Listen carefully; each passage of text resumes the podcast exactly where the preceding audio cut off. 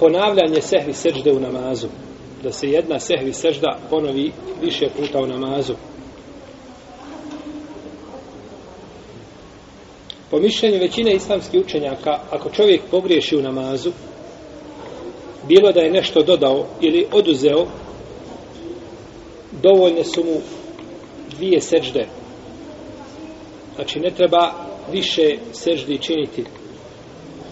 Jer nije prenešeno od poslanika, sallallahu alaihi wasallam, niti njegovih ashaba, da su činili više od dvije sehvi sežde u jednom namazu.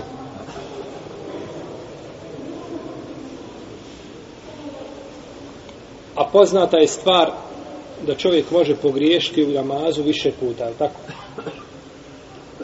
Pored toga, znači, nije nam prenešeno da je neko činio više od jedne sehvi sežde koja se sastoji jeli, iz dvije sežde.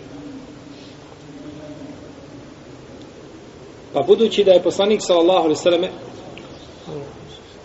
na kraju namaza činio sehvi seždu, bilo da je prije ili poslije čega selama, to nam ukazuje znači da je ta jedna sežda da upotpunjava sve što je znači od greške došlo prije toga. Hadis koga prenosi Teuban radijallahu anhu u kome poslanik sallallahu alaihi sallam kaže li kulli sehvin srđetani badema yusallim.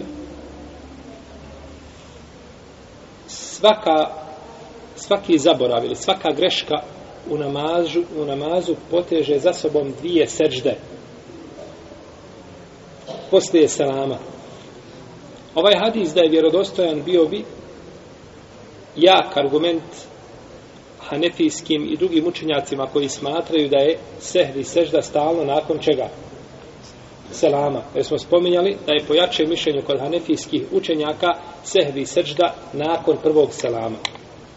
Znači kako se čini u našim podnebljima. Ima i drugo mišljenje da može i nakon i drugog, ali je poznatije znači u a, fikhu hanefijske pravne škole da se to čini nakon, nakon prvog salama, odnosno nakon desnog salama koji je rukn kako kaže Ibn Munzir, da je to po konsensu učenjaka rukn, a da je lijevi po konsensu učenjaka, ili koliko on poznaje od učenjaka da je to šta? Sunnet, da nije, da nije sastavni dio. Iako smo govorili, da nismo spominjali, da su šeho Islam Ibn Qajim i Šeukjani i drugi odabrali mišljenje da je šta? Selami na lijevu stranu da isto tako rukn, da je to sastavni dio, znači da je sastavni dio namaza. Ovaj hadis kada bi bio ispravan, li kulli sehvin srđdetan, njegovo značenje bi bilo svaka greška koja je učinjena u namazu, liječi se sa dvije srđde. Tako bi bilo šta? Značenje hadisa. Ne bi opet značilo da znači svaku za svaku grešku treba posebna sehvi sežda. Ali kazali smo da je ovaj hadis da je dajiv. Tačno, neka ga ulema prihvatila.